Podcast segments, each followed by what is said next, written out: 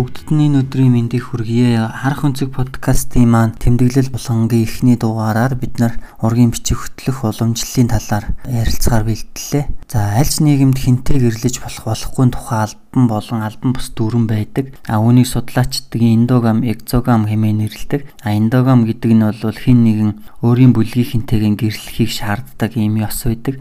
Уг ёсны зорилго нь ялангуяа энэ одоо Европын хаад хаадын угсаа залгамжил дээр бол эрх мэдлийг хөрөнгө шашин шүтлэгээ хойч үедээ өвлөөлө үлдэх зорилготой байсан гэж судлаачд бол үздэг байна. Харин эксогам ёс бол өөрийн угсаа шашин болон уг гарвал нэгт бүлгээсээ гадагшаага гэрлэхийг шаарддаг ийм ёс байдаг. За тэгэхээр монголчуудын дунд бол нэлээ эртнээс энэ эксогам ёс бол байсан. За ялангуяа энэ Монголын нууц товчон дээр бол бүрт чоноос эхлээ 500 орчим жил үргэлжилдэг 20 үеийн намтрыг товчоолон дурдсан байдаг. Энийг бол зарим судлаачид Монголын хугийн бичиг удмын зураглалтай адилхан ийм юм байна гэж тайлбарладаг юм аа. Тэгэхээр энэ Монголд одоо яг биднэрт үлдсэн ургийн бичиг гэх юм бол 1905 онд хийсэн Цэцэн хаан шолоо ургийн бичиг гэж байдаг. За уг бичигт бол 1577 оноос 1905 он хүртэлх 328 жилийн дотор 1196 хүний нэрийг одоо 5 м гаруй даван дээр бичсэн ийм модны цагирга мэт цагиргалуулан бичсэн ийм ургийн зураглал байдаг. Язгууртан хүмүүсийн дунд ургийн зураглал, ургийн бичиг хийжсэн тухай мэдээ баримт бас ганц нэг байдаг боловч яг бүх хүмүүс хөтэлдэг байсан уу гэвэл хараахан тодорхой мэдээ бол байдаггүй. За тэгэхээр магадгүй энэ бол энэ Монголын язгууртнуудын дунд одоо ургийн бичиг уг удмаа бас хойч үедээ тэмдэглэн үлдээдэг байсан ийм ёс байхыг бас үүсэхгүй. Жишээлх юм бол тэр Рашид Аддийн бичгтээ бол энэ удам ухсаага маш сайн мэддэг хүмүүс бол энэ монголчуудаас өөр арабуудыг стооцох юм бол одоо их цөөхөн байдаг тухай бичсэн. Инженеаш бол бас энэ удам ухсаага сайн мэддэг байхын ач холбогдлыг тэмдэглэсэн байдаг. За тэгэхээр энэндээс бол харж болно. За ургийн бичгийн талаар бидний дунд маш түгээмэл ойлголт байдаг. Цус ойртох гэдэг нэг юм ойлголт байдаг. Удамшлын өвчин эмгэг тэ хүүхдүүд төрдөг тухай бас ойлголт их байдаг. А гэтэл бол яг энэ цус ойртолтоос болоод удамшлын эмгэг өвчтэй болдгоо гэвэл бас 100% тийм биш. Ялангуяа орчны нөлөө бас их байдаг гэж ингэж үздэг. Жишээлх юм бол удамшлын бүтцэд гарсан мутаци улмаас үүсэх эмгээг бол удам зүйн шинжилгээ ухаанд удамшлын эмгэг гэж нэрлэж байгаа. Өөрөөр хэлбэл ген хормосом хувьсан өөрчлөгдөхөд удамшлын өвчин үүсдэгэ гэж ингэж үздэг. За тэгээд удамшил ба орчин бол өвчний үүсгэх шалтгаан болж түүнийг эмгэг жамд нөлөөлж байж болдгоо гэж ингэж үздэг юм байна. А зарим судлаачид жишээлбэл 2010 онд одоо инхма гэж ангаах ухааны доктор докторийн судалгааны ажилдаа бол Монголын хүн амын генетик тогтцын судалгаа хийж эрдмийн зэрэг хамгаалсан. Түүний судалгааны үр дүнгээс харах юм бол цус ойртох энэ үйл явц хүмүүсийн дунд нэг 4-өөс 5 дахь үе дээр их түгээмэл байна гэсэн ийм судалгаа хийсэн байгаа.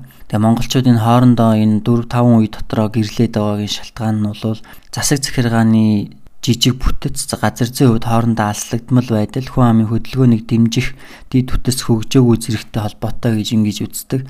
А монголчуудын дунд бол сүүлийн үед овгоо шинээр авах ургийн бичиг хөтөлж баяр хийх нь хэлбэг болсон. За ургийн бичгийн гол зорилго нь бол өөрөөсөө дэш ураг өдмийнхний мэдэж авахаас гадна өөрийн үеийн үеэл хаяалдаа сайтар мэддэг байхад оршин. Тиймээс ургийн бичгийг одоо хийхдээ зураглал намтар гэсэн хоёр зүйлийг бичих хэрэгтэй байдаг. За ургийн зураглалыг бол бол монголчуудын уламжлалаар одоо модны цагирган хэлбрээр хийдэг. За доош нь ингээд жагсаага доош нь цувуулан бичдэг эсвэл модны мөчр салаан байдлаар хийх гэсэн юм гурван янзын хэлбэр байдаг. А ер нь олон хүний одоо нэр орсон одоо олон үеэ бичиж байгаа бол модны цагираг адил одоо тойруулан бичсэн илүү тохиромжтой гэж үздэг. За тэгээд ургийн мод гэж нэрлэдэг энэхүү зураглалын зорилго бол танай ураг удамд байгаа хүмүүсийн тухай товч өгөө тодорхой одоо пассвортын мэдээлэл гэж нэрлэдэг энэ мэдээллийг авахд оршиж байгаа. Сүүлийн үед ургийн бичиг хийж байгаа хүмүүсийн дунд одоо нэг түгээмэл ойлголт байдаг. Энэ зөвхөн эцгийн талаараа баримтлан хийх ёстой гэдэг нэг ойлголт байгаа. Тэгээ яг өндөө бол одоо эцэгхийн талаа хоёулангийн хийх хэрэгтэй. За энэ ургийн зураглал хийхдээ бас анхаарах хэд хэдэн зүйл байгаа. Аа мэдээж одоо авга бичнэ, авгаасаа доош тийм бүх хүмүүсийн нэрийг бичнэ.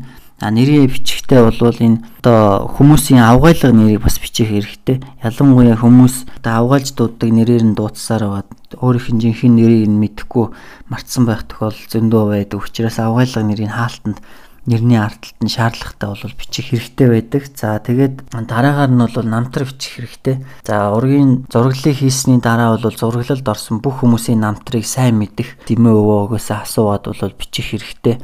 За ингэж бичихтэй бол хамгийн тохиромжтой хөлбөр нь давлгааны намтар байдаг. Өөрөөр хэлбэл тухайн хүн болгоны намтрыг бичихтэй тухайн хүний амьдрал тохиолдсон гол гол чухал үйл явдлуудыг нь одоо тоочин тайлбарлах байдлаар бичих нь хамгийн тохиромжтой байдаг. За намтарт орох хэвээр нэг хид хідэн зүйлүүдийг одоо энэ А очир сэржээ гэх мэтийн судлаачд бол дурдж бичсэн байгаа. Ялангуяа мэдээж одоо овгийг бичих хэвээр. За тэгээ хэний хэм болох төрсөн он, сар, нас, хүйс, жилийн бичих хэрэгтэй. За тэгээ хаана төрсөн үндэс ухсааг нь бичих хэрэгтэй. За тэгээд тухайн хүний амьдрал тохиолдсон чухал үйл явдлыг нь бол бас бичих хэрэгтэй гэж бодож байна. За тэрнээс гадна бол тухайн хүний гавьяа шагнал, авиас чадварыг бас бичих хэрэгтэй. За тэгээд одоо нас орсон хүн бол хизээ ямар учир шалтгаанаар нас орсон бэ гэдгийг бичих хэрэгтэй гэж. За сүүлийн үед бол ургийн бичих хөтлөхөд зориулсан одоо програмуудыг гаргаж гаргасан байгаа зөндөө олон програмууд байгаа. За бас Орос англи генограммын сайтууд байдаг. За энийг бол ашиглаж болно. А ургийн бичгийг ер нь яг бичилтэй хүн анх эхлэн бичээд за тэгээд цаашаа ургуудынхаа дамжуулах хэрэгтэй гэсэн нэг ийм тайлбар байдаг. За ургийн бичгийг хөтлөхөд анхаарах хэдэн зүйл байдаг. За нэгдүгээрт нь бол ургийн бичиг ов гэр бүлийн хамгийн нарийн нандин зүйлийг бичдэг мэдээллийг агуулдаг учраас олон дэлгэн тавих шаардлагагүй зүйл байдаг. Тийм учраас тэр бүгдийг бүгдийн бичлэгүүгээр заримыг нууц хэвээр нь орхих хэрэгтэй. За хойд эцэг ихтэй хүмүүсийг ургийн бичигт бичихтэй дөрүүлсэн эцэг хийх нь овог нэрийг нь оролцуулан бичих шаардлагатай.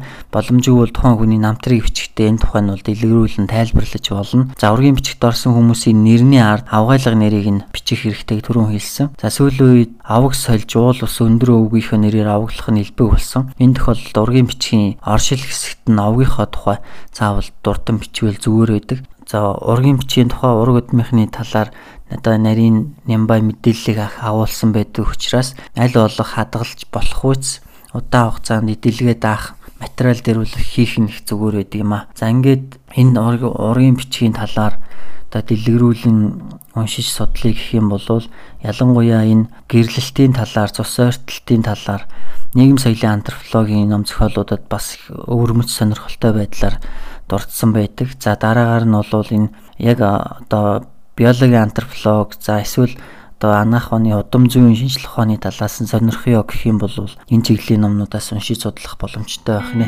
За ингээд бидний дугаарыг анхааран сонссон хэрхэм сонсогч та бүхэндээ баярлалаа.